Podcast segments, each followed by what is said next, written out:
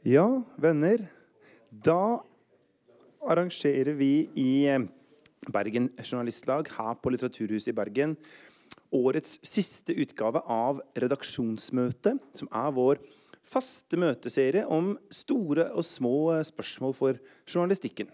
Og i dag skal vi ta opp eh, et av de aller største egentlig i vår tid, nemlig hvordan lager vi skikkelig bra klimajournalistikk.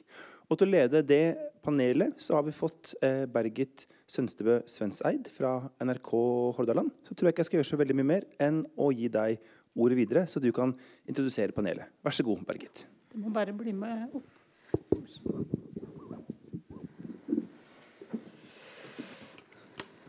Takk, Jens. Jeg heter altså Bergit, jobber i NRK Hordaland. Og jeg gleder meg til å diskutere klimajournalistikk en times tid. Det passer det er en ganske sånn bra dag å gjøre det på med klimatoppmøte i Madrid og Greta Thunberg, som har blitt årets navn i Time Magazine. Så det er i hvert fall nok internasjonal oppmerksomhet akkurat nå rett før jul om klimaspørsmål. Men vi skal snakke om hvordan vi her, med utgangspunkt i Bergen og Vestlandet, kan skrive om klimaspørsmål i ganske brei forstand. Og hvordan vi kan engasjere leserne våre i temaer rundt klima uten å bli aktivister, kanskje. Eller kanskje er ikke det noe stort problem om vi blir det. Det håper jeg vi skal reflektere litt rundt. Og som Jens sa hva er egentlig god eh, klimajournalistikk? Eh, kan vi si noe om det? Så har jeg fått med meg et veldig kompetent panel til å diskutere det, syns i hvert fall eh, jeg. Vi har med oss på NR så har vi Astrid Rommetveit fra NRK, som har jobba mye med klima- og værjournalistikk, og som nå leder NRKs nystarta klimaredaksjon, som skal ha base i Bergen som er Bent Kjærstad, utenriksjournalist i TV 2. Skriver mye om konsekvenser av klimaendringer for mennesker rundt omkring i verden. Så jeg gleder meg til å høre mer om det. Atle Andersson, journalist i BT. Skriver om klima, miljø, energi. Og så har vi med oss til slutt Laila Borge, som er frilansjournalist og tilknytta landslaget for lokalaviser. Eh, og som jeg håper kan eh, si litt om eh, lokalavisenes perspektiv på klimastoff.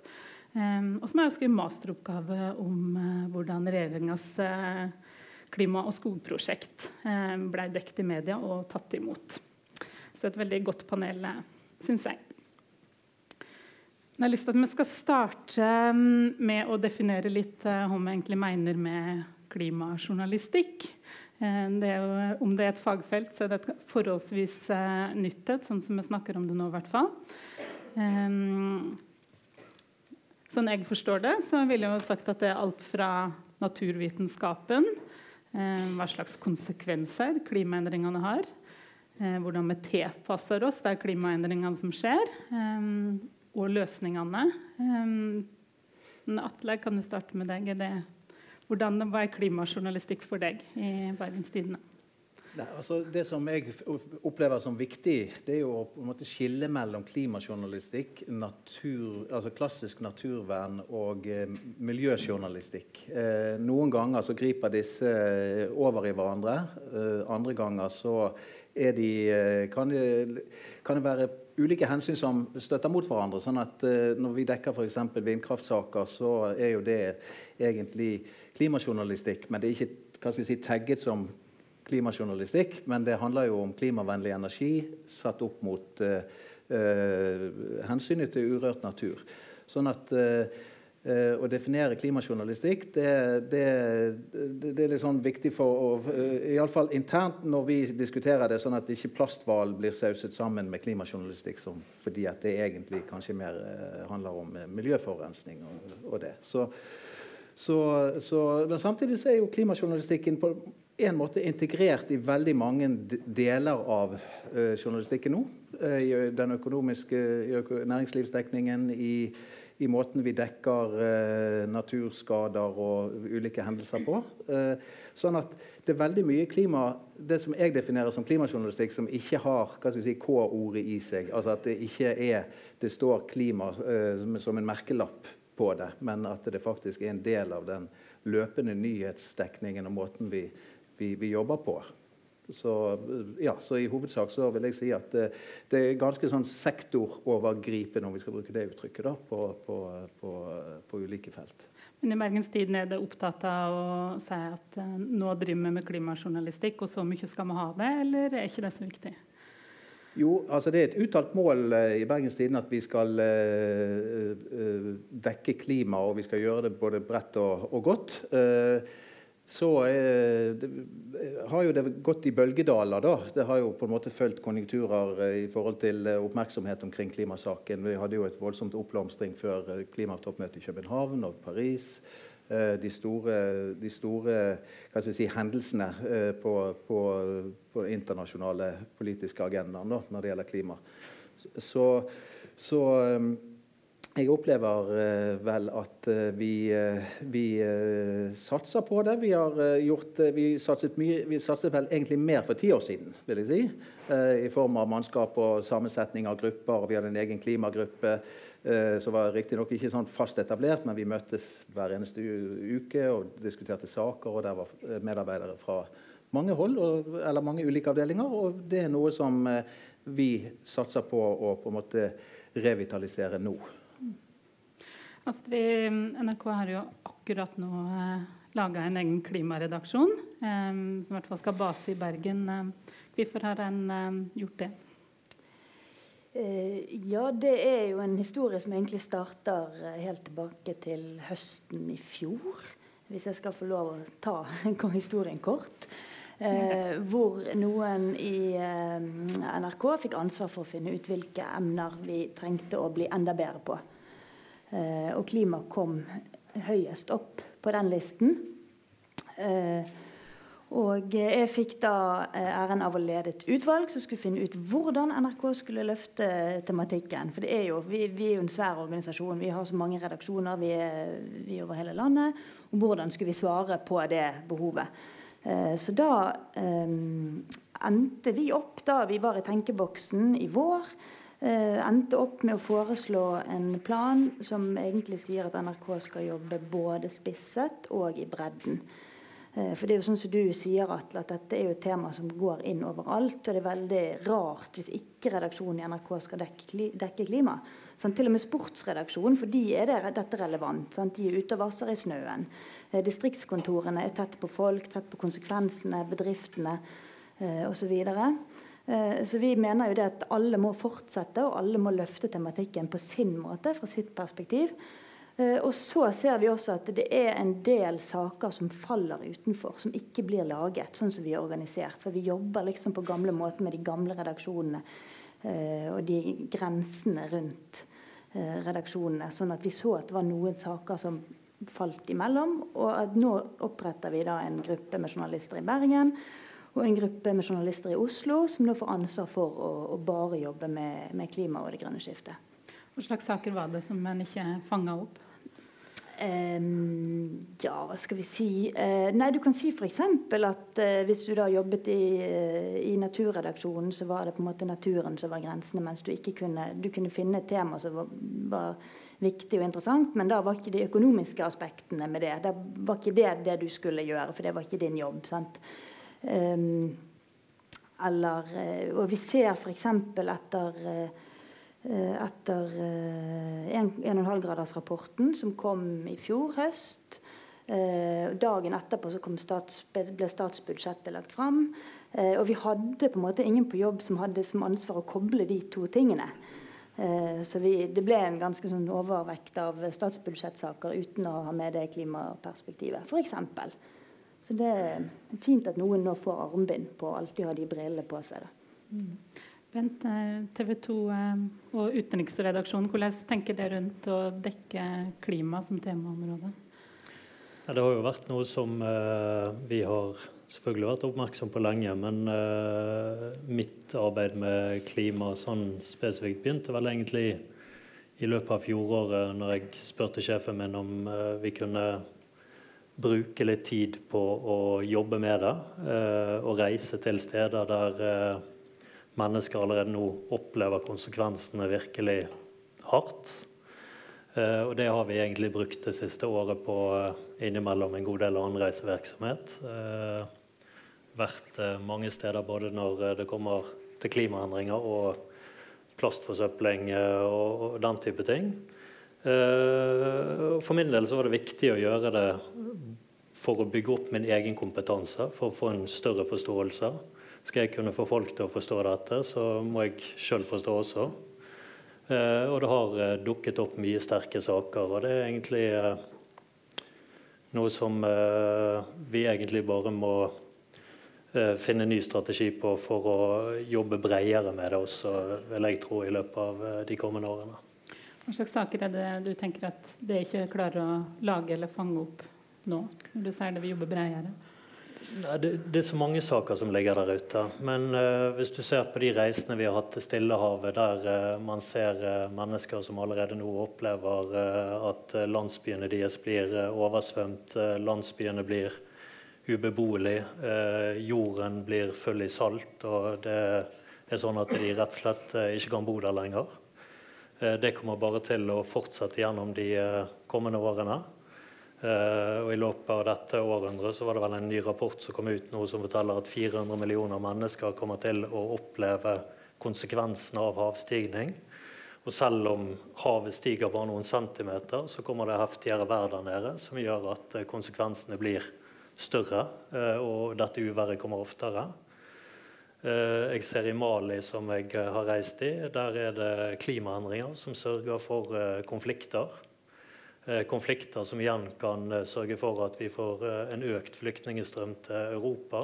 Så dette går inn i veldig mye av den journalistikken som vi driver med. Og de konsekvensene som man opplever i Stillehavet, det er konsekvensene som man også kommer til å oppleve i vår del av verden ikke i vår tid nødvendigvis, men i de kommende generasjoner. Leila, du har vært opptatt av å skrive om både miljø og klima en god stund. Eh, hvorfor har du eh, peila deg inn på det som uh, frilansjournalist? Um, ja, jeg har Det var vel helt siden naturfagstimene på barne- og ungdomsskolen at jeg liksom har vært interessert i det temaet. Uh, jeg har ikke sett meg sjøl som noen aktivist type. Jeg er mer sånn faktaorientert og syns det er interessant å grave i fakta og prøve å forstå. Uh, så jobbet jeg jo mange år i lokalavis uh, og erfarte jo da at eh, der må man dekke veldig bredt og mye. og eh, ja, Der forventer folk å finne det som foregår lokalt. Eh, så det var begrensa hvor mye jeg fikk skrive om det området og om forskning generelt, som jeg òg syns er spennende å dekke. Så da valgte jeg å heller bli frilanser for å få gjort litt mer av så har du jobbet med et prosjekt eh, i Landslag for lokalaviser eh, ja. nettopp med klimajournalistikk i lokalavisene. Ja. Kan du ikke si litt om det, så vi får mm. hele spennet fra ja. Stillehavet til eh, helt lokalt? Vi ser jo generelt i eh, lokalavisen at det er ganske lite klimastoff Eh, og det tror jeg gjelder både det som vi snakket om de rene klimasakene, og at vi kanskje ikke er flinke nok til å i de generelle sakene som handler om kommunebudsjett og andre lokalt næringsliv og alt, at vi ikke er flinke nok til å spørre både hvordan kan dette påvirke klima og ja, klimatilpasningen lokalt. Hva vil jeg ha å si for den?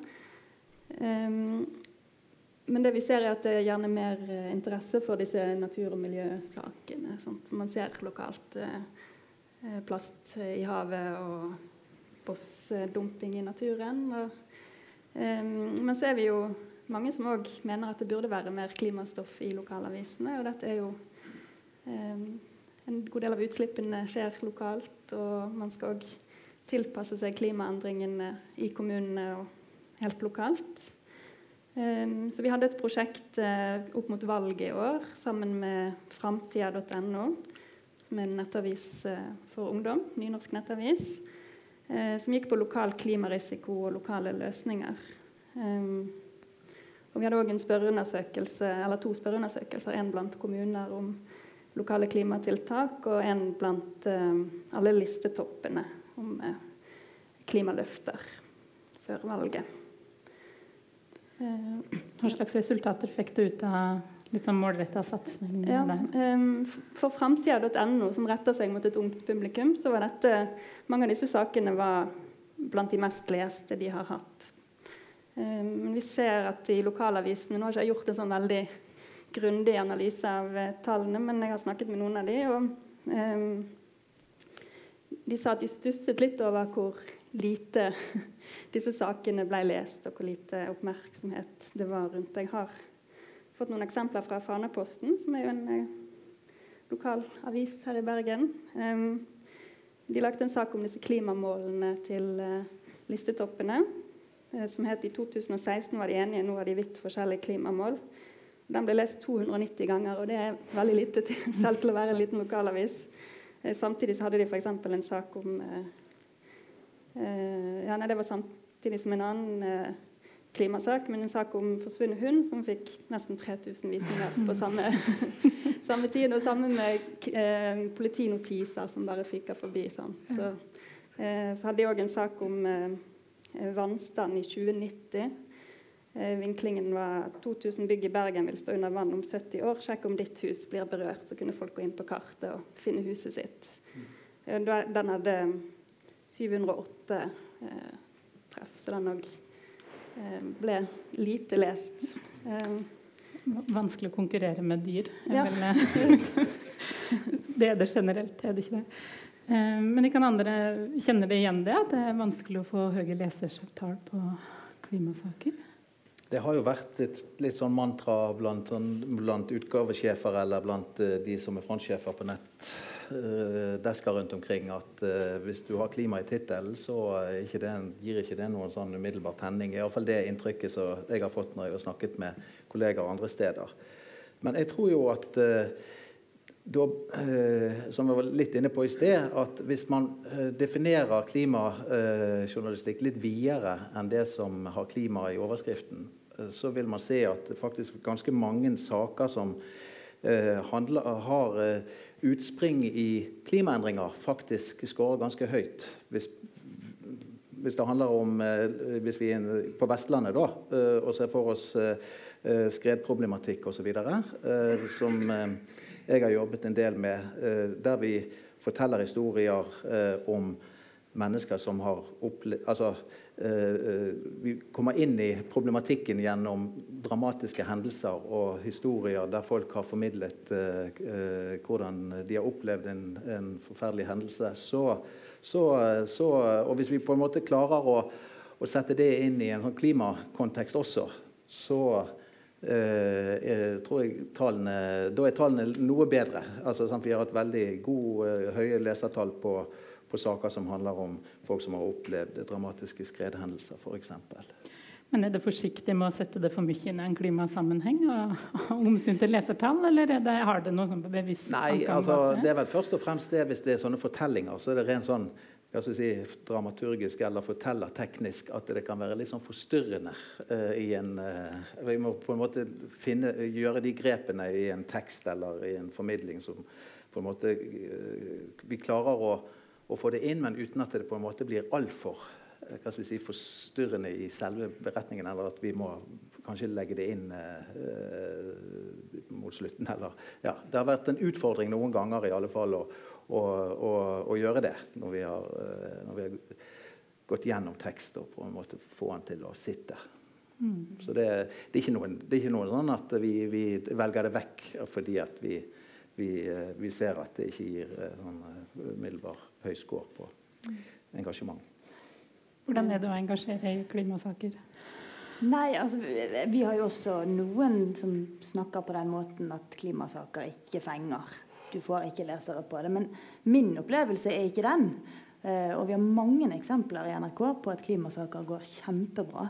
Så jeg blir litt sånn irritert når jeg hører den, uh, uh, hører den påstanden der. Jeg, men jeg tror at at eh, noen ganger så krever det kanskje at vi bruker litt mer tid på journalistikken. Det er ikke gjort i en håndvending. Det er lettere å lage en helsesak eller en krimsak.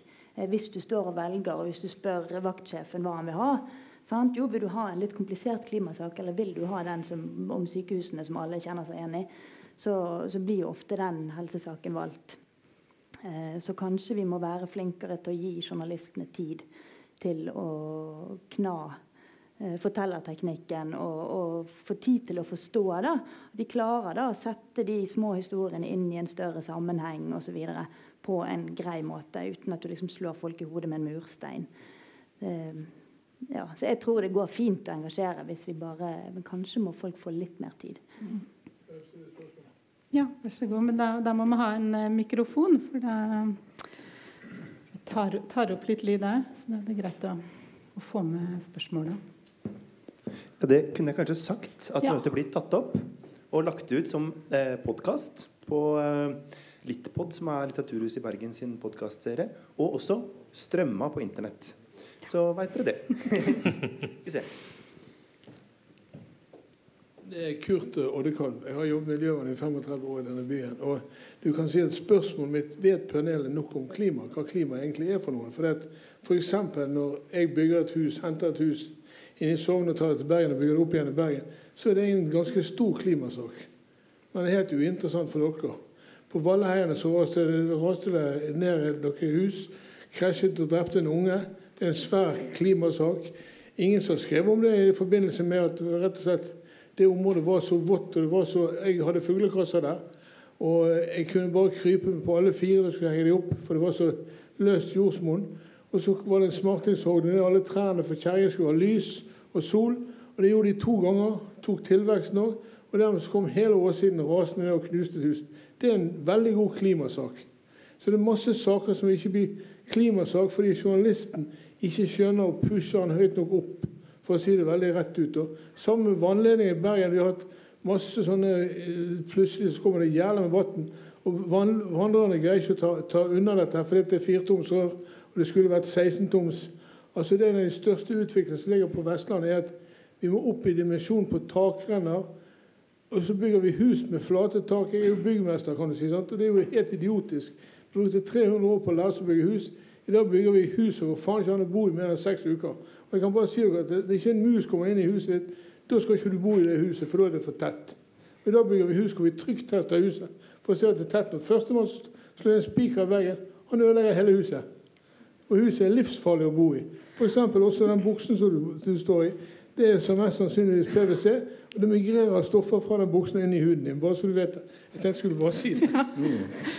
Men der passer du i ordet til Astrid først. Ja. Har strømpebukse under. Um, nei, men jeg tror du har et veldig viktig poeng i det at uh, jeg tror veldig mange journalister føler at de ikke kan nok. Og det har jeg egentlig ikke noe problem med å innrømme, for jeg tror heller ikke at politikere eller byråkrater føler at de kan nok om dette. For det er et enormt fagfelt.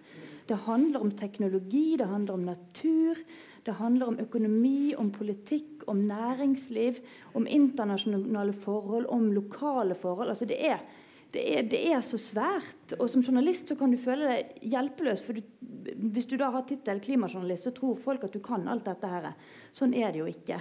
Eh, og derfor må vi jo tenker jeg da at noen må få muligheten til å, å bruke mer tid og spesialisere seg. Det er i hvert fall sånn vi tenker i NRK nå. Og så må vi jo, så kan jeg jo skryte av BT, f.eks. De har nå gjort mye på, på skredproblematikk nå, f.eks. ute på Osterøy.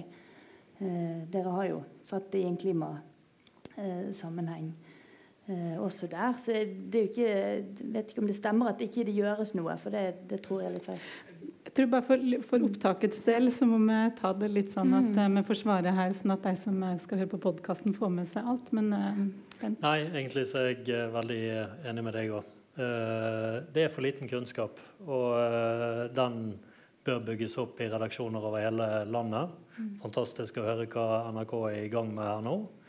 Og Det tror jeg man bare bør, må, må, erkjenne. Og Det er også en sånn ting som er viktig innad i forskjellige redaksjoner òg. At uh, man uh, ikke bare bygger kompetanse i en sånn avdeling som dere bygger opp nå, men også oppover i systemet hvor viktig dette er. Og Jo mer kompetanse vi klarer å bygge, jo lettere vil det være for oss å gjøre det forståelig internt i vårt eget system, og dermed også gjøre det mer forståelig for de som ser på oss.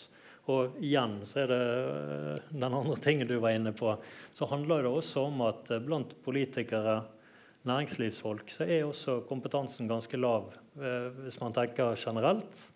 For det er så ufattelig mye som skjer når, når vi snakker om klima. Og når vi tar opp alle disse andre tingene som plast og, og eh, vindkraft, ikke minst, og, og, det ene og det andre. Jeg har lyst til å spørre deg, Leila, Når du har jobba med lokalavisene, er det noe de etterspør? Altså kompetanse på, på klima på ulike vis? Er det, er det en av hindringene for at de f.eks. ikke setter skred eller eh, flomhendinger inn i en klimakontekst? Um, de har i hvert fall sagt ressurser. Det, våre medlemsaviser er jo stort sett ganske små. Sånn. Kanskje tre-fire personer i redaksjonen. Så, uh, så, det handler om ressurser, men det handler jo selvfølgelig òg om uh, kunnskap og hva man føler seg kompetent til. Og, uh, og um, ja, metodekunnskap kanskje òg, hvis det er saker som er litt kompliserte å grave i og sette seg inn i. Um, mm. Ja, nei, altså eh, I vår eh, satsing på, på, på, klima- og miljøspørsmål så, har jo, så vil jeg jo skryte av våre, eh, mine ledere som har gitt meg eh, anledning til å kunne eh, være, møte forskere. altså ha kildemøter og, så videre, og være til stede på seminarer og sånn, uten at det nødvendigvis er et krav om at du skal levere en sak herfra til, fra det møtet. Så, altså At man rett og slett bruker det som en eh, som en form for uh, kompetansebygging. Uh, og vi tidligere så Og det gjorde vi med hell, kan vi godt uh, komme på nå. at Det bør vi kanskje gjøre at vi inviterer uh, f.eks.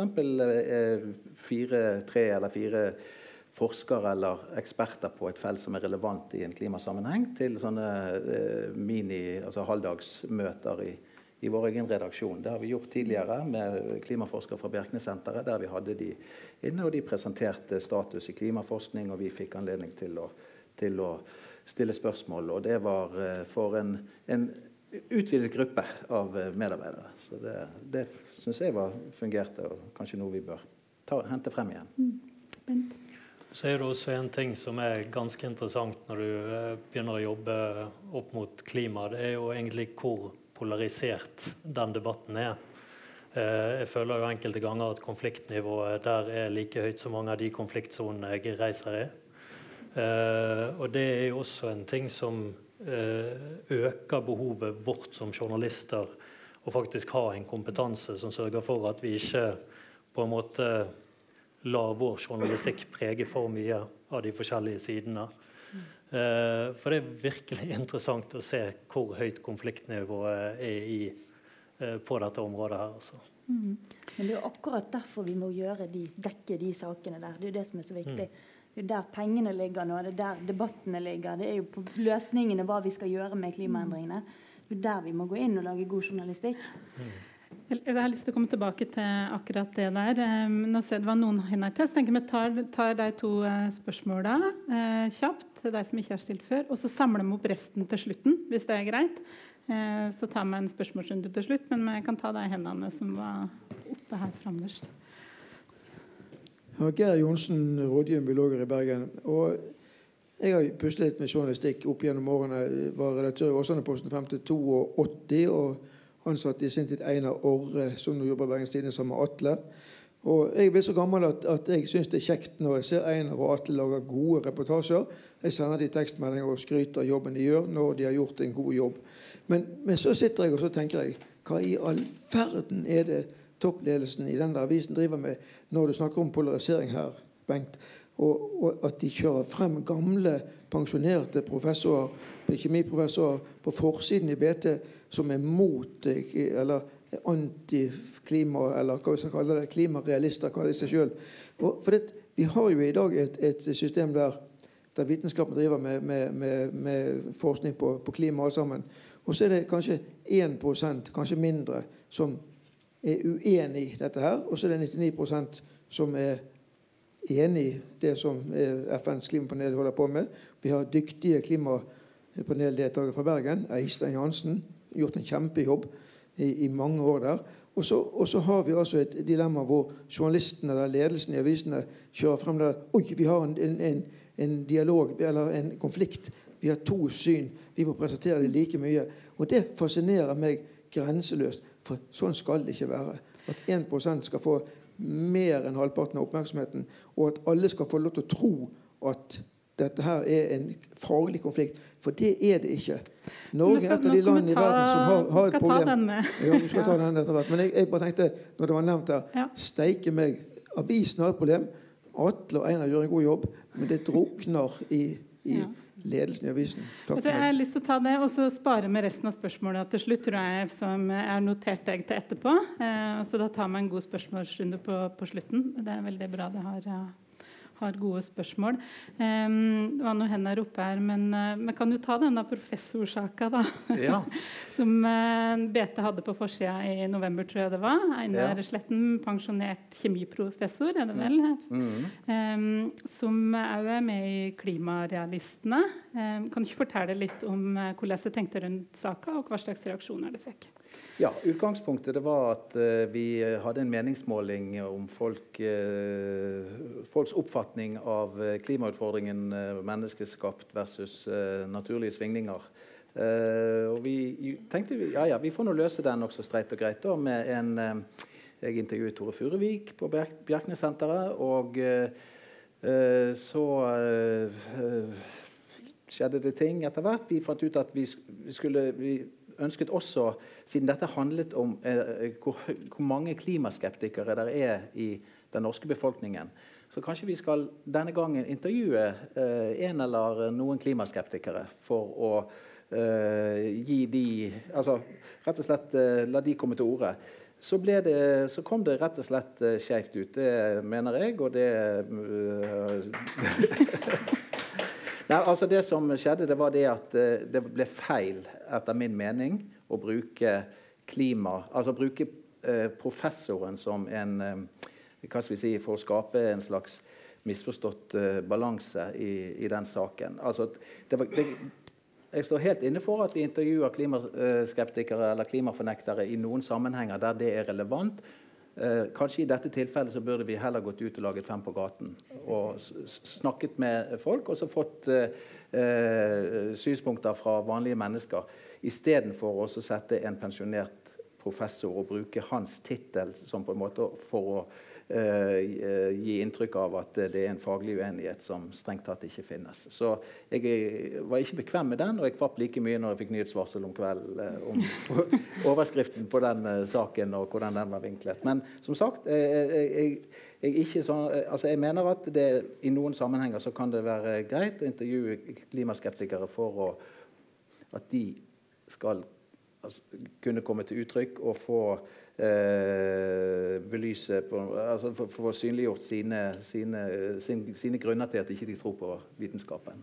Mm. Eh, nå skal jeg ikke si noe om det var rett og galt å gjøre den rapportasjen mm. på den måten, men, men det som uh, blir veldig synlig når denne saken her var oppe, det er jo hvor polarisert dette temaet er. Og jeg syns veldig mange av de reaksjonene som kom i debatter og lignende etterpå, gikk langt over streken på veldig, veldig mange områder.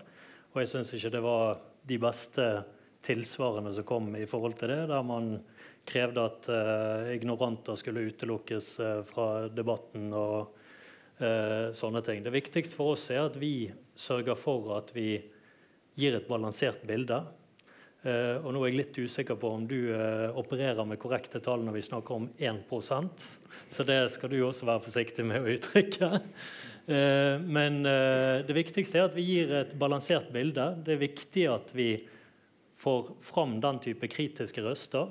For hvis du går på internett og søker havstigning i Stillehavet, så vil du få en rekke eh, saker som ligger øverst på det temaet, som kun er skrevet av eh, klimaskeptikere, eller hva vi skal kalle det. Og det er også det som eh, unge mennesker i veldig stor grad leser eh, rundt omkring i eh, landet vårt i dag. Og dette er også noe som er med på å bygge opp den skepsisen som er rundt omkring blant folk der ute nå. Det er vel noe sånn som 25 som er kritisk til dette med menneskeskapte klimaendringer. Og Det å slippe til denne type røster og samtidig gi dem den motbøren de får fra de som driver med klimaforskning, det er ekstremt viktig i uh, aviser og i uh, TV. 22% tror jeg indikanstallet var. Det varierer litt. Ja, det det der om. Ja, eh, det stemmer, på, mellom eh, 10 og 22 er i hvert fall det Mm. siste. Men Astrid, du har hatt lyst til Ja, nei, når jeg sa i sted at vi må gå inn i disse debattene, så mente jeg jo ikke at vi skulle gå inn i debatten om det er menneskeskapt eller ei. For den er vi på en måte ferdig med. Altså det er Hvis vi skal være viktige som mediebransje, så må vi gå inn i de debattene som betyr noe, hvor det dreier seg om hva skal vi gjøre med dette problemet. Det er jo der de viktige diskusjonene ligger, og det er det vi må gå inn i.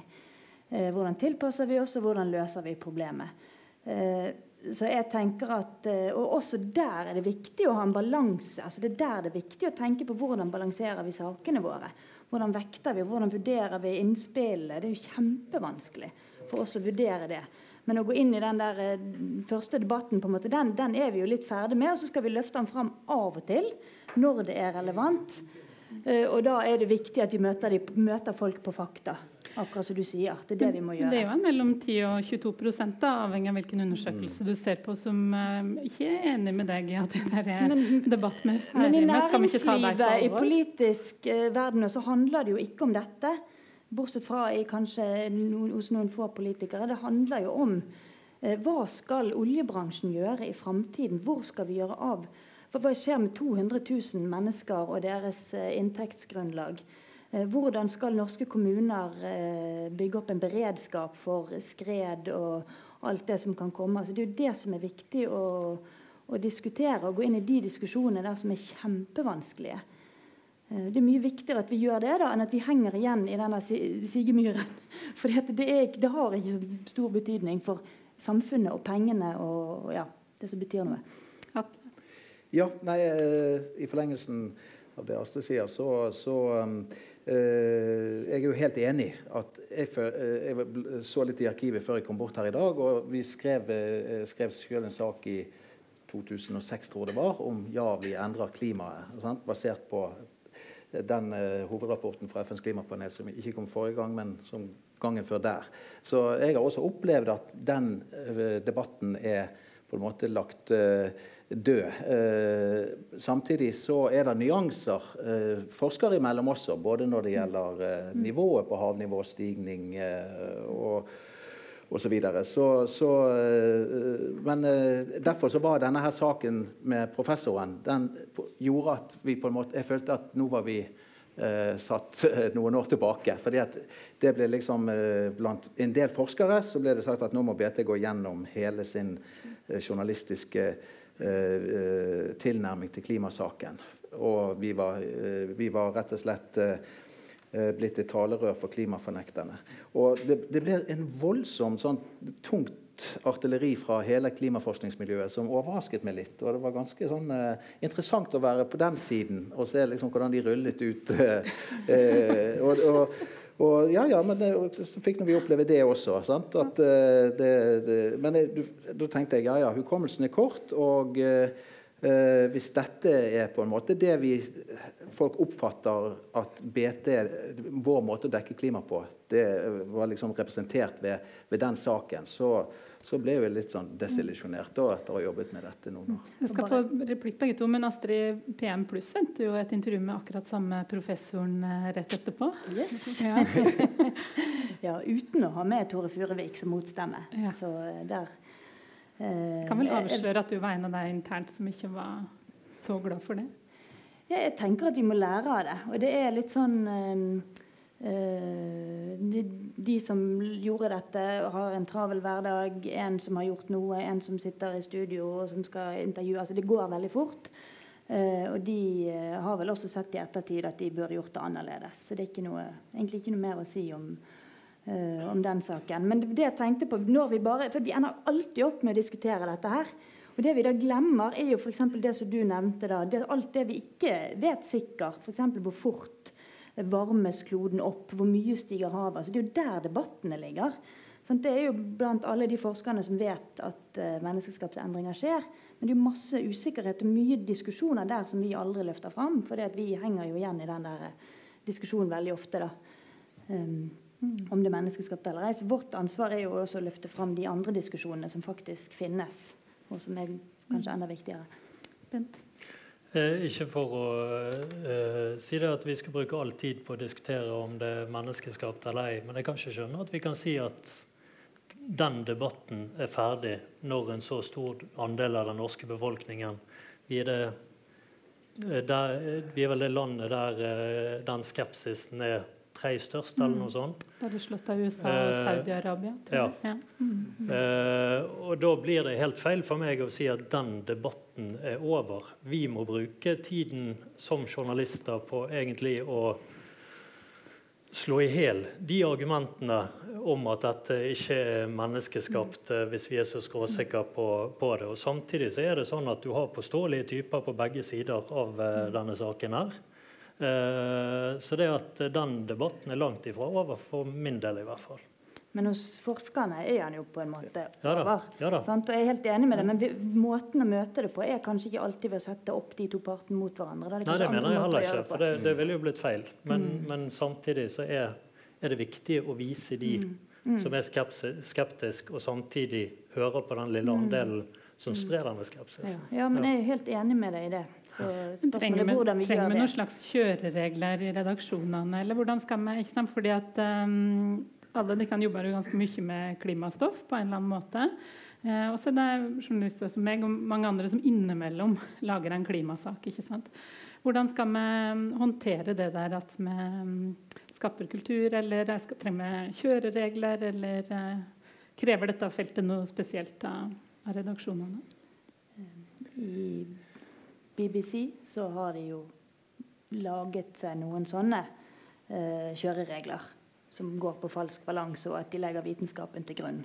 Det er egentlig så enkelt eh, som det. Men jeg tror det har gitt journalisten en god trygghet eh, når de står i stormen, og du har innboksen full av e-poster fra, mm. fra sinte, fra sinna folk. Ja. Jeg ser alle armene i salen, altså, men vi samler det opp til slutt. Så kommer vi oss gjennom noen mm. temaer vi hadde lyst til å være gjennom, og så skal vi ha god tid til å ta spørsmålene til slutt, hvis det er greit. Um, du nevnte BBC. The, The Guardian er en annen stort medium som har um, De la jo fram et sånn slags manifest, egentlig, uh, der de sa noe om både hva deres rolle var, men de hadde jo òg noen regler om hva vi skal kalle det. ikke sant? Jeg skal ikke, skal ikke kalle det klimaendringer, det er klimakrise. I hvert fall i The Guardian. Um, ikke global uh, warming, men global heating. Um, hvordan tenker det rundt språket du bruker når du skriver om klima?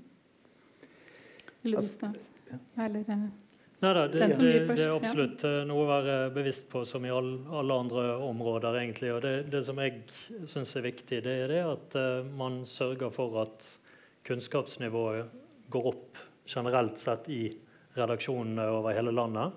Eh, og at man sørger for at eh, de som eh, går inn i ganske vanskelige områder når det gjelder klimajournalistikk, får også en backing internt i redaksjonen. For det er ingen tvil om at det er noen vanvittige reaksjoner man kan få på selv de enkleste saker når man går inn i dette området. Det er Trump og det er som på en måte mobiliserer den samme galskapen egentlig i eh, kommentarfelt og eh, innbokser og sånne ting som det.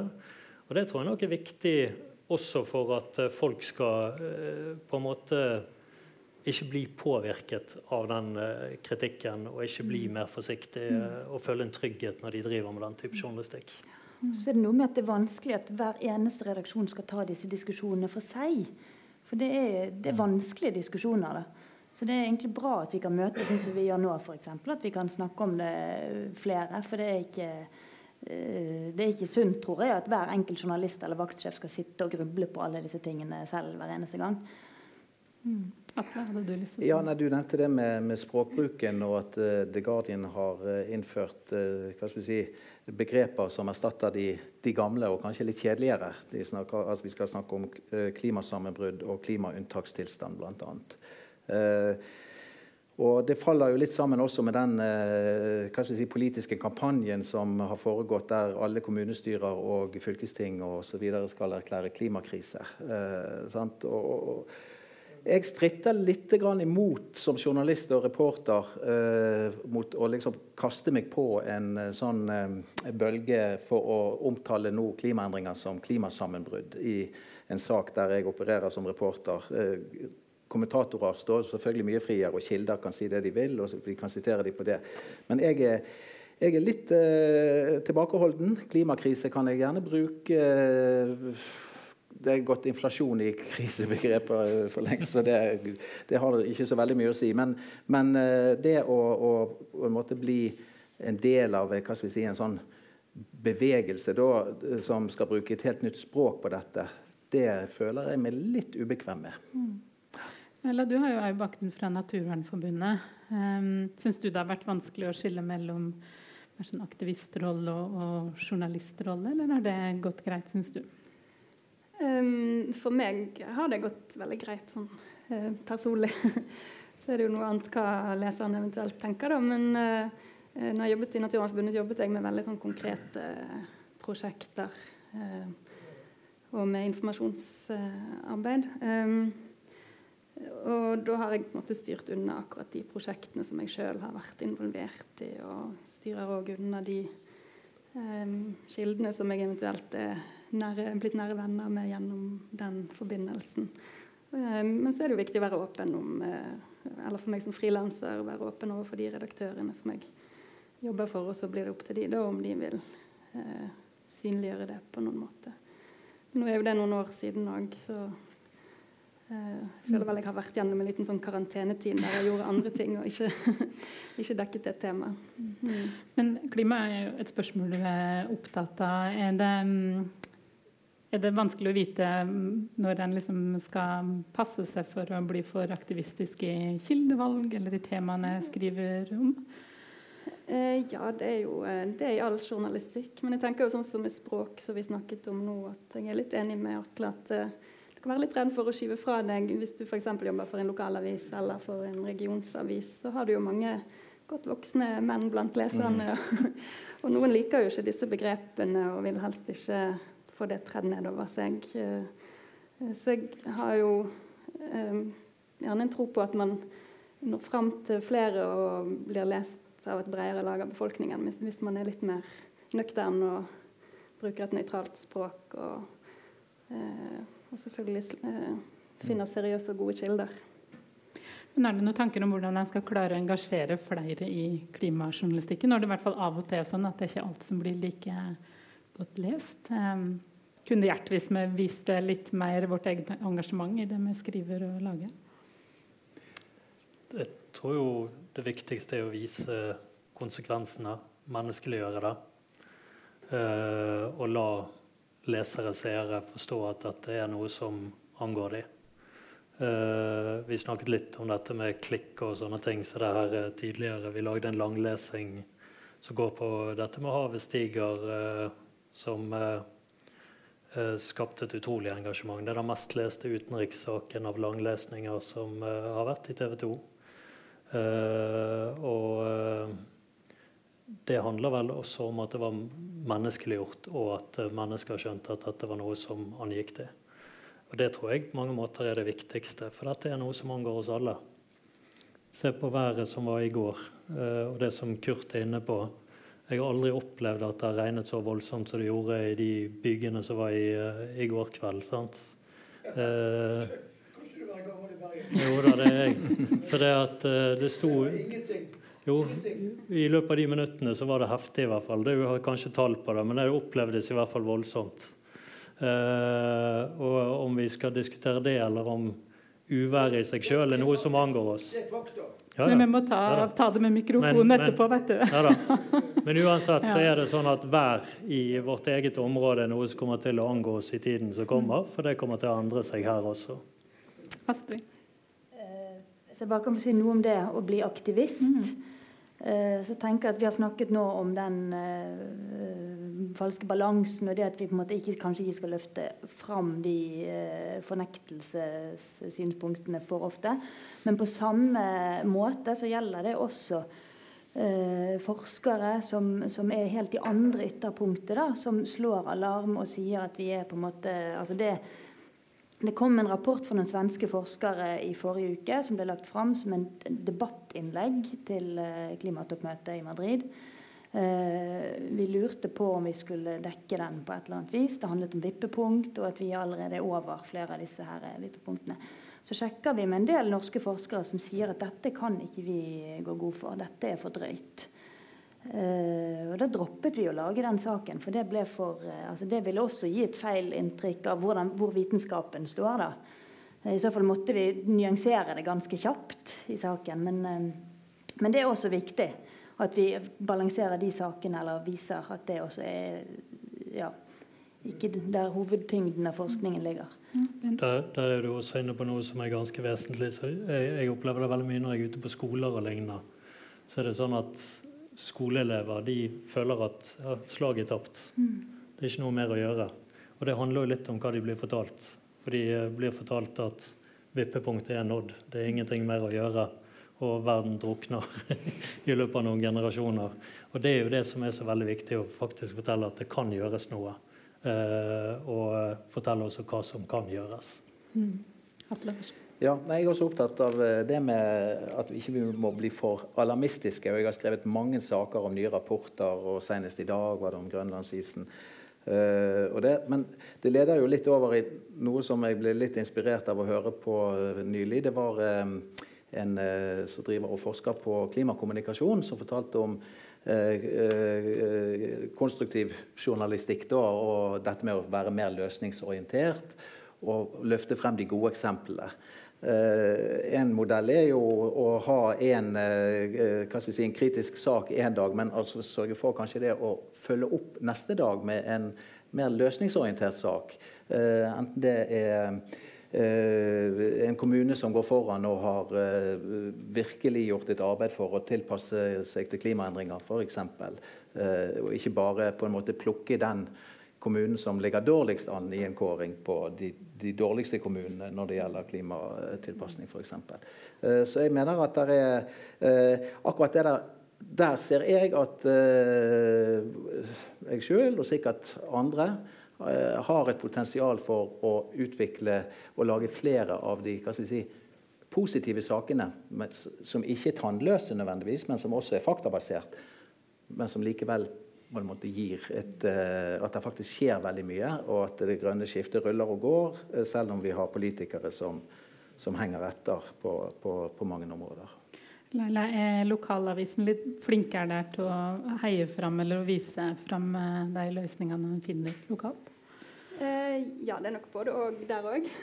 Men jeg òg er veldig fan av løsningsorientert journalistikk. Og f.eks. de eksemplene til Oddekalv kunne jo vært løst på den måten at man kunne lete etter gode eksempler på noen som har fått det til. Um, jeg, har, jeg, spurte Amedia siden jeg fikk et spørsmål om lokalaviser. De har jo mange lokalaviser. Um, så vet ikke om jeg kan lese litt det, um, det som han svarte. Uh, for Han sier at overordnet så er observasjonen den samme som for andre stoffområder. At det som, det som treffer leserne, det er saker med en lokal inngang som folk kan kjenne seg igjen i og som gjerne hører til en konkret hendelse eller observasjoner i lokalsamfunnet. Det kan jo være når det er uvær, f.eks., så kan vi bruke anledningen til å sette det inn i en kontekst. Eh, og da kan klimastoff bli godt lest. Eh, så har jeg noen eksempler på saker. Og da er det veldig sånn konkrete eh, problemstillinger om f.eks. Eh, innbyggere som må kjøpe plastposer for å sortere søppel, og hvordan kan man løse det. Eh, folk som reagerer på en restaurant som har langreist biff. Eh, og selvfølgelig diskusjon om vern versus eh, vindmøller. eh, og en sak fra BA som hadde gått veldig bra, om fare for at elektriske biler kan ta fyr. Eh, det er sånt som folk syns er spennende, tydeligvis. Eh,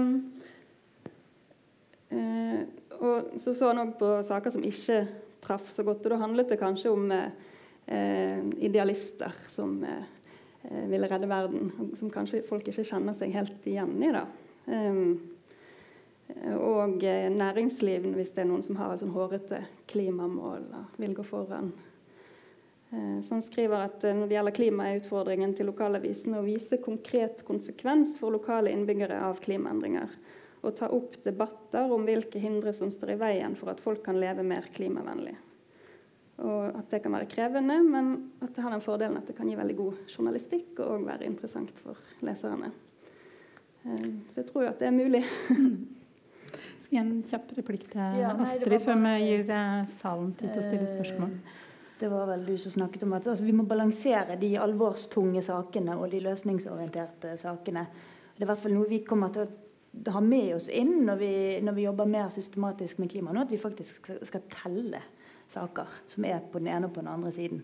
Vi prøver å, å ha ja, Kanskje er det 50-50 vi skal ende opp på, eller ja, Det er i hvert fall noe vi har med oss inn i, i, i planleggingen da, av sakene våre så er det viktig når du er løsningsorientert at du også er kritisk. For det er, det er ikke noe enkel journalistikk. Det er jo ikke gjøre seg til talerør for uh, noen som har funnet opp et eller annet magisk pulver, f.eks. Altså det er veldig mange som banker på og har lyst til å fortelle om oppfinnelsene sine. og det er ikke så lett, det heller. Man må ja, være kritisk også der. Vi tar en runde med spørsmål. Få litt hjelp av Jens til å rundt mikrofonen. Og da tar jeg først deg som ikke har stilt spørsmålet allerede. Du var helt klart først tror jeg, på den lista. Skal vi se, her. Si hvem du heter, og gjerne hvem du stiller spørsmål til hvis det er noen konkret. Ja, altså Det er Arnfinn fra Norges Miljøvernforbund. Jeg eh, jobber veldig mye med vindkraftsaker og med klimaspørsmål. Eh, det jeg opplever, er at eh, pressen i veldig stor grad eh, springer i samla flokk. Veldig flinke å bruke de begrepene som vindkraftbransjen ønsker vi skal bruke. Park, mølle og grønn energi. Men det er veldig liten vilje og, og egentlig til å se hva er egentlig baksiden av det vi gjør nå. For er en vindturbin. Eh, da snakker vi gjerne om 200-400 tonn med metall. Masse med kabler. Det må oppgradere linjenettet. Det er veldig mye store kostnader. Eh, veldig mye blir da produsert Altså du, du må eh, drive metallene ut av berget. Det må smeltes. Det går ofte med kullkraft. Transporteres med store, eh, gjerne spesialbygde frakteskip. Som må bygges for liksom å, å supplere eh, den vindkraftbransjen. Eh, bare i Tyskland er det 30 000 vindturbiner. I Norge er det jo eh, oppimot 700 nå allerede. Og med frakteskutene de, de fyrer gjerne på tungolje. Eh, og så skal det jo være anleggsarbeid. Der går eh, 10 000-20 000 liter diesel i døgnet i en lang anleggsperiode. Og det, det, er, det, er, veldig store kostnader med dette her, så veldig lite blir tatt opp av pressen, føler jeg. Eh, og så har vi en annen ting òg. Eh, vi har FNs bærekraftsmål. Eh, der er det veldig mange punkt som òg griper inn på forskjellige sider av klimasaken. Og på, på, på, hver sin måte. Og der har vi f.eks. Eh, nå er det jo Norge da, som leder arbeidet med FNs klimabærekraftsmål i verden, med Erna Solberg, statsminister. Samtidig så har vi òg en uh, veldig uh, glemt og oversett sak som uh, dreier seg om Smøla-lirypa. Altså det er Norges eneste, eneste genetiske, altså endemiske fugl som er en underart av lirype. Men den befinner seg kun på øyene Smøla, Hitra og Frøya i hele verden. Det som er spesielt med den, det er at Gjennom tusenvis av år så har den fått tilpasse seg et mildt kystklima. Sånn at det, på vinterstid så beholder den mye av den, den uh, brune fjærdrakten pga. at det er veldig snøfattige vintrer. Eh, og så er det sånn at både lirype og fjellrype er da Gjennom de siste 20-30 årene så har gått, bestanden gått veldig kraftig tilbake. Og begge artene er tatt inn på rødlisten. Eh, det som da skjer, er at eh, hvis vi da skal få et mildere klima her, da vil spesielt eh, lirypen, som holder seg litt lavere nede enn fjellrypen, den vil være veldig utsatt hvis det blir mer snøfattige vintrer. Og ble, da lett kunne bli tatt av predatorer, altså rev, eh, rovfugl og sånn. For da er den hvit og, og, skal da gjemme seg i lyngen som mørket. mørke. Så er det sånn at det nå eh, er prøve å runde av spørsmålet. Ja. så det, Jo, men jeg, får svart på begge begge jeg skal ta det veldig kjapt. Ja, Ja. Det eneste vindkraftverket i Norge der vi har hatt eh, fugletellinger, det er på Smøla. og Der er, er det over 100 havørn som er tatt, og over 200 smøla-liryper. Problemstillingen er at eh, på Smøla så kan de ikke lenger eh, påvise genetisk ren smøla-lirype lenger pga. at når bestanden går ned, så får du innvandring fra fastlandet. Og så har du Hitra. Der eh, er vindkraftverk nummer to i oppføring i dens leveområder. Og siste nå på Frøya. Det vil si at Vi kan risikere nå pga. vindkraftutbygging så kan vi risikere at vi mister en genetisk viktig art som egentlig kan være det som kunne vært redningen for hele lirypebestanden i Skandinavia hvis vi skulle da få mildere vintre. Er vi for dårlige til å dekke disse konsekvensene f.eks. vindkraftutbygging? Atle, du har skrevet mye om dette temaet. Ja, eh, det? ja, jeg har skrevet mye. Jeg har sikkert brukt 60 av arbeidstiden min det siste året på vindkraft. Men, eh, men eh, nei, jeg ser at der, er- du nevner det med, med klimaregnskaper knyttet til vindkraft. Det er opplagt en, eh, en sak som eh, det er mulig å, å gå inn i. Det en, men det er også en sak som krever ganske eh, mye ressursbruk hvis man skal gjøre det på en ordentlig måte. Det er litt sånn som når TV 2 laget den eh, glimrende saken om eh, eierskapet til et av vindkraftverkene som, eh, som, eh, ja, i, i Rogaland. Eh, så, så det er klart eh, opplagt eh, ting vi kan gå dypere inn i, og, og det. og det du skal ikke se bort ifra at vi kommer til å ta akkurat den, eh, også ta den delen eh, av det. Så, så, men når det gjelder sånn, eh, dekning av ulike sider ved vindkraftutbygging, så, så eh, tror jeg faktisk vi eh, ja, vært innom en, en del av de gjennom eh, de siste eh, halvannet årene. Både utenlandske eiere og eh, fugler som du eh, fugletrekk som du er spesielt opptatt av. eh, Bl.a. disse vindkraftverkene i Sogn og Fjordane som viste seg da eh, som skal bygges, og ligger midt i det nasjonale eh, trekket for en rekke fuglearter. Så, så, så vi, er, vi er borti det, men eh, opplagt eh, mye mer vi kan gjøre. Og takk for innspill. Jeg skal ta en lille spørsmål, så kan vi jo prøve å holde deg ganske korte, så jeg får tid til flest mulig spørsmål. Eh, men da tar jeg deg bak der. Jeg ser dessverre ikke helt Verken hvordan den kan se ut jeg har, Ja, men du har stilt spørsmål før, så da tar jeg deg som ikke har gjort det først. Da, vet du, så skal du få Ja, etterpå. eh, altså, jeg bare lurer på om eh, Har, ja, har eh, dere i media dekket det enorme, store eh, arrangementet som skal være i Grieghallen? Eh, altså TED, som kommer til Bergen. Eh, jeg finner nesten ingen informasjon om det, og det er et kjempearrangement. Al Gore var med på, på lanseringen, og hun Christina Figuero. Og det er jo et enormt arrangement, så jeg bare etterlyser mer om det, da. ikke det litt fram i tid? Ja. Ja. Så det er kanskje derfor. Ja, ja, at vi hadde en, eh, en eh, mindre sak på i, hva skal vi si, det vi kaller liven vår, da, med løpende nyheter eh, når det kom. Men vi har ikke hatt noe sånn brei. Og det, det kan godt være Jeg vil jo tro at uh, dette er noe som vi kommer tilbake til når det nærmer seg. Mm.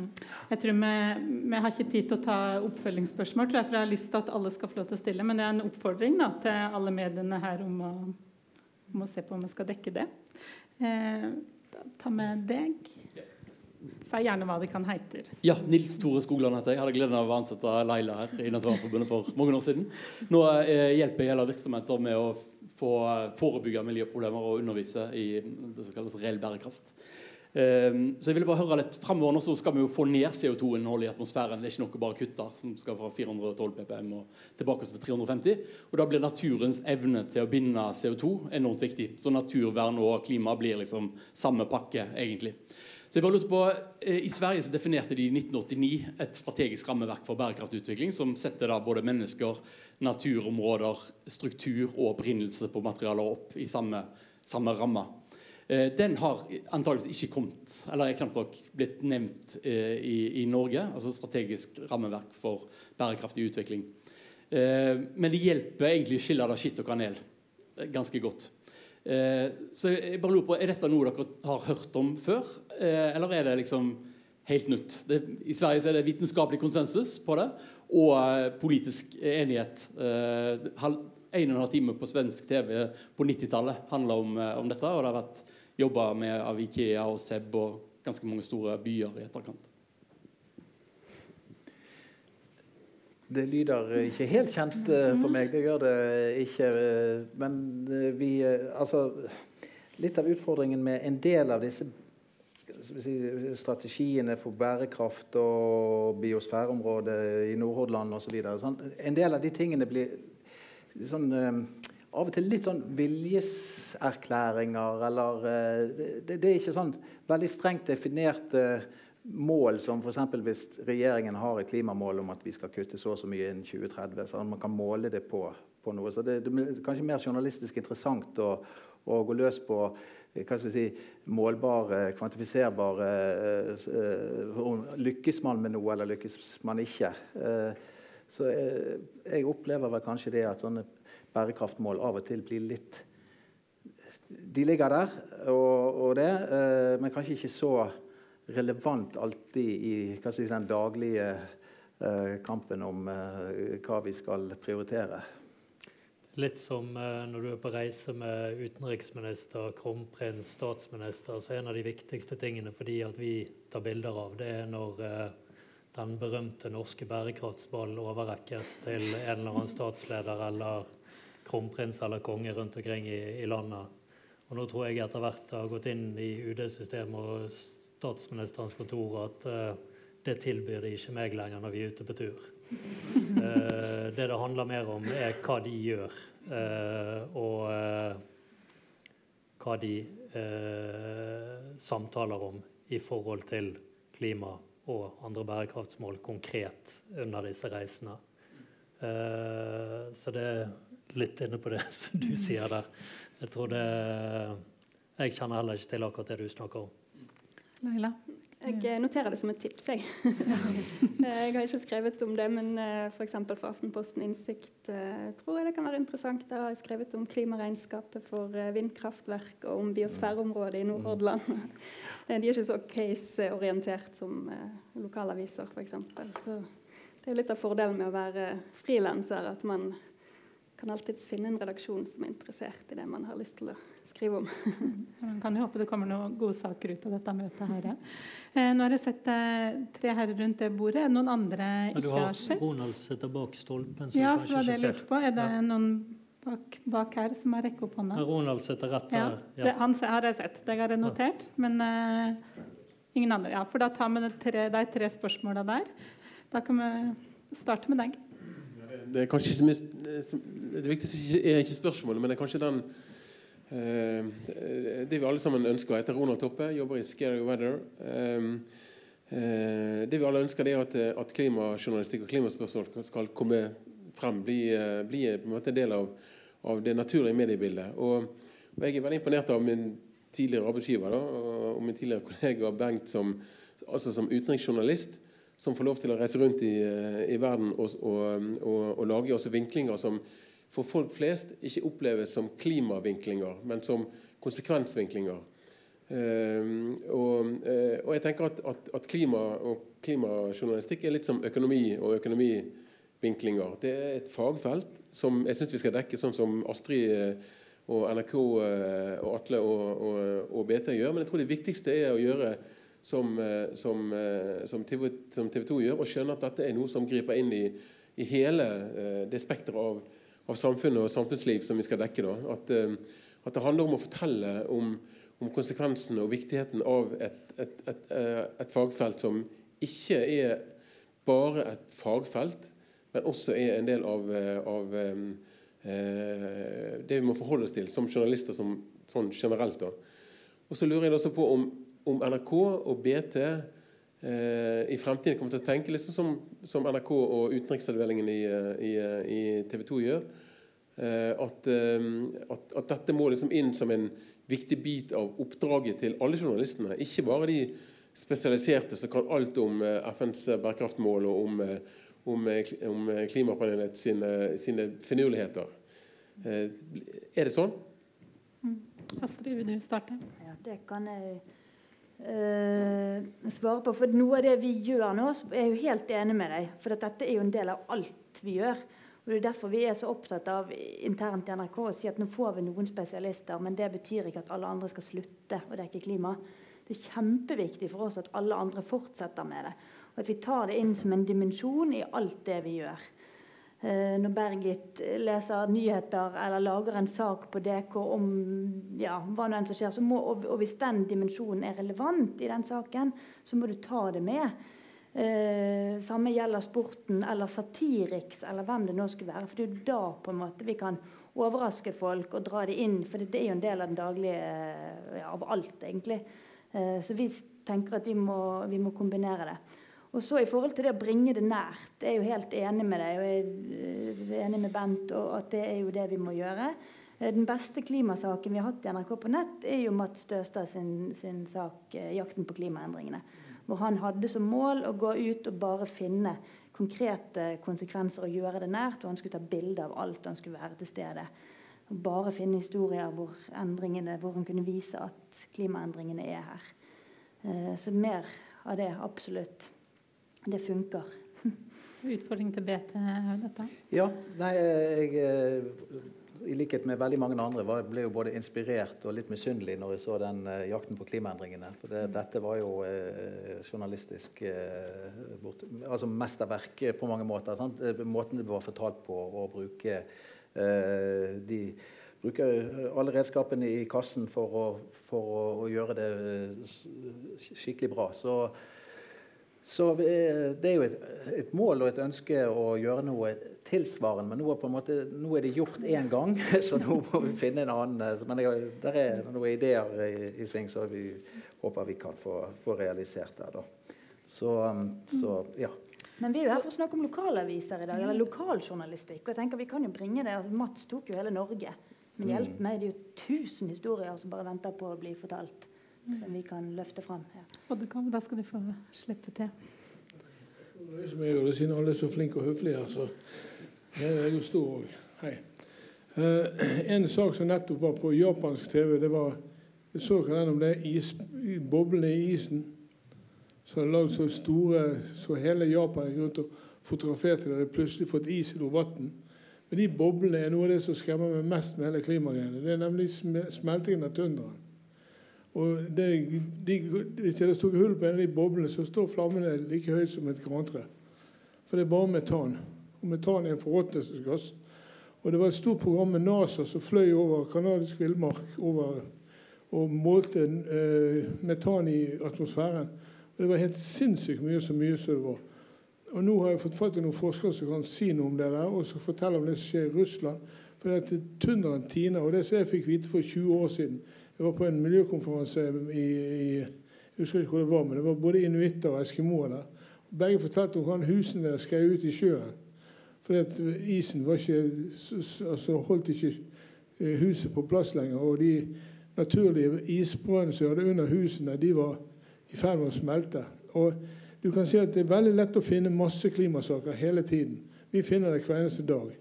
Og jeg må bare si det til dere. Søk kunnskap.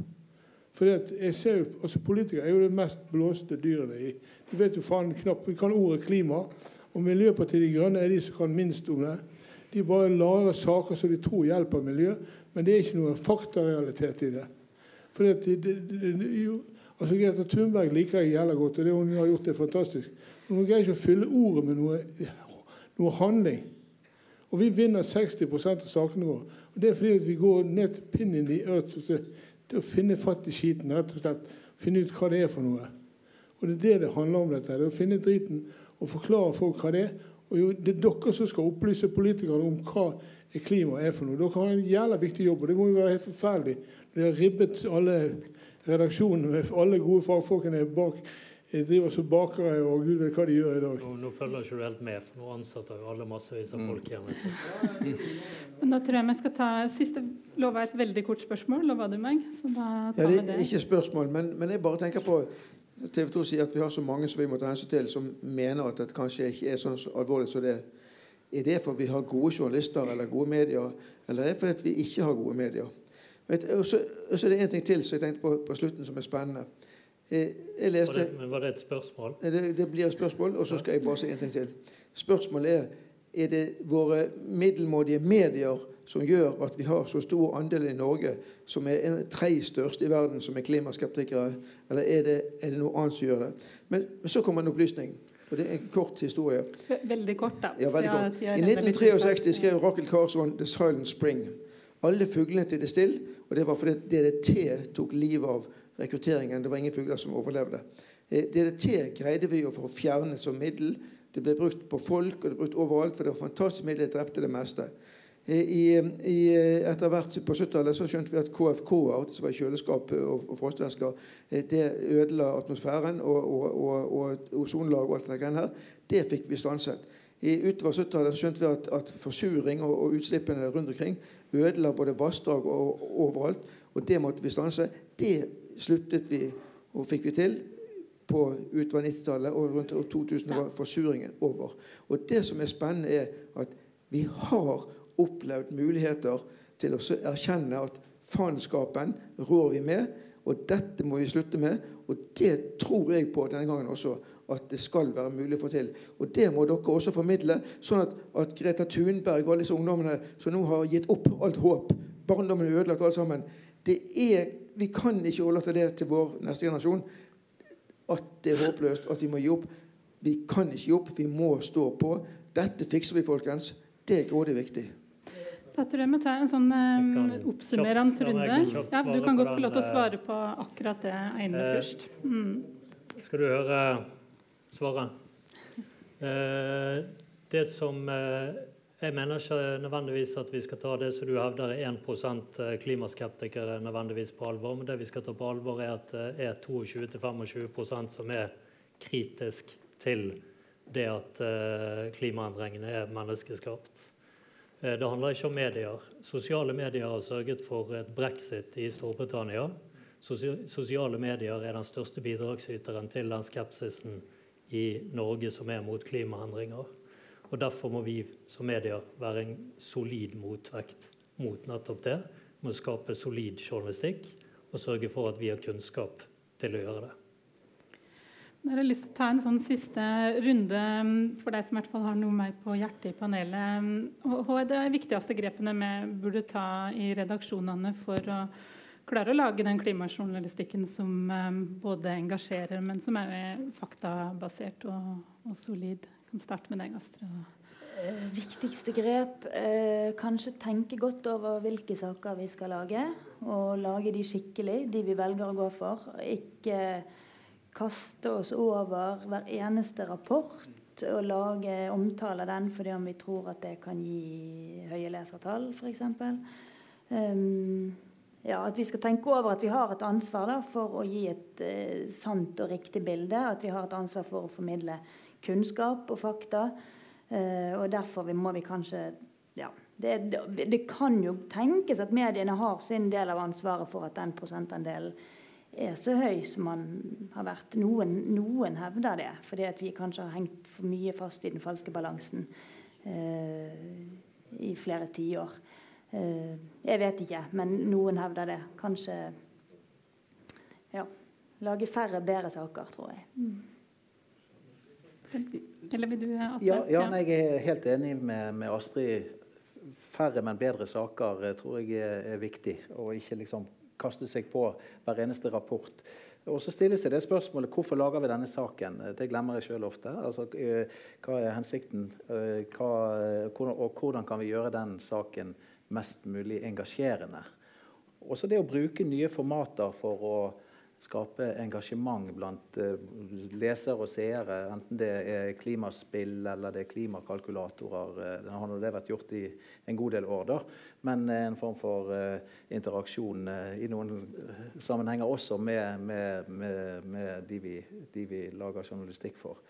og arrangere at mediene sjøl arrangerer møter eh, for å, eh, om f.eks. klima, og der man klimaforskere kan møte klimaskeptikere ansikt til ansikt, rett og slett. Det kunne jo blitt en interessant og heftig, heftig affære. Og så er det en ting jeg sjøl kanskje savner litt, som vi ikke har vært inne på. Det er jo også det å drive kritisk journalistikk også si, mot de gode formål, mot, mot klima pengene, følge pengene i eh, Det er tross alt veldig mye eh, Veldig mange milliarder som, som bevilges til, til klimaformål. Selv har jeg jobbet for noen år siden en del med den norske regnskogsatsingen og så hvordan pengene gikk i Guyana, og hva Norge støttet der nede av ulike prosjekter. Og det var veldig veldig spennende. Det samme med klimakvoter. Hvilke klimakvoter fra hvilke prosjekter kjøper vi Eh, klimakvoter fra, både norske bedrifter og, norsk, og den norske stat. Eh, jeg tror det ligger eh, fortsatt veldig veldig mye spennende man, hvis man bruker ressurser også på det. For det mener jeg er en viktig del av si, oppdraget vårt. når tross alt vi skal bruke den retorikken. da Skattebetalerne har brukt 30 milliarder på eh, satsing i regnskogen i Sør-Amerika og Indonesia. Bent, har dere lyst til å si noe til slutt? Eller? Samme det. Ja. ja, jeg tenker også For lokalavisen i hvert fall, så er det, det å være bevisst på at uh, veldig mye av den journalistikken uh, vi gjør i det daglige uh, om lokal utbygging og kommunepolitikk, at mye av det handler òg om klima. Eller at man i hvert fall kan trekke inn klima, både se på klimapåvirkning og konsekvenser av klimaendringer. hva det betyr lokalt. Ja. Takk. Eh, Jens skal sikkert få lov til å avslutte, men eh, jeg syns vi kan gi en liten applaus til panelet. i hvert fall.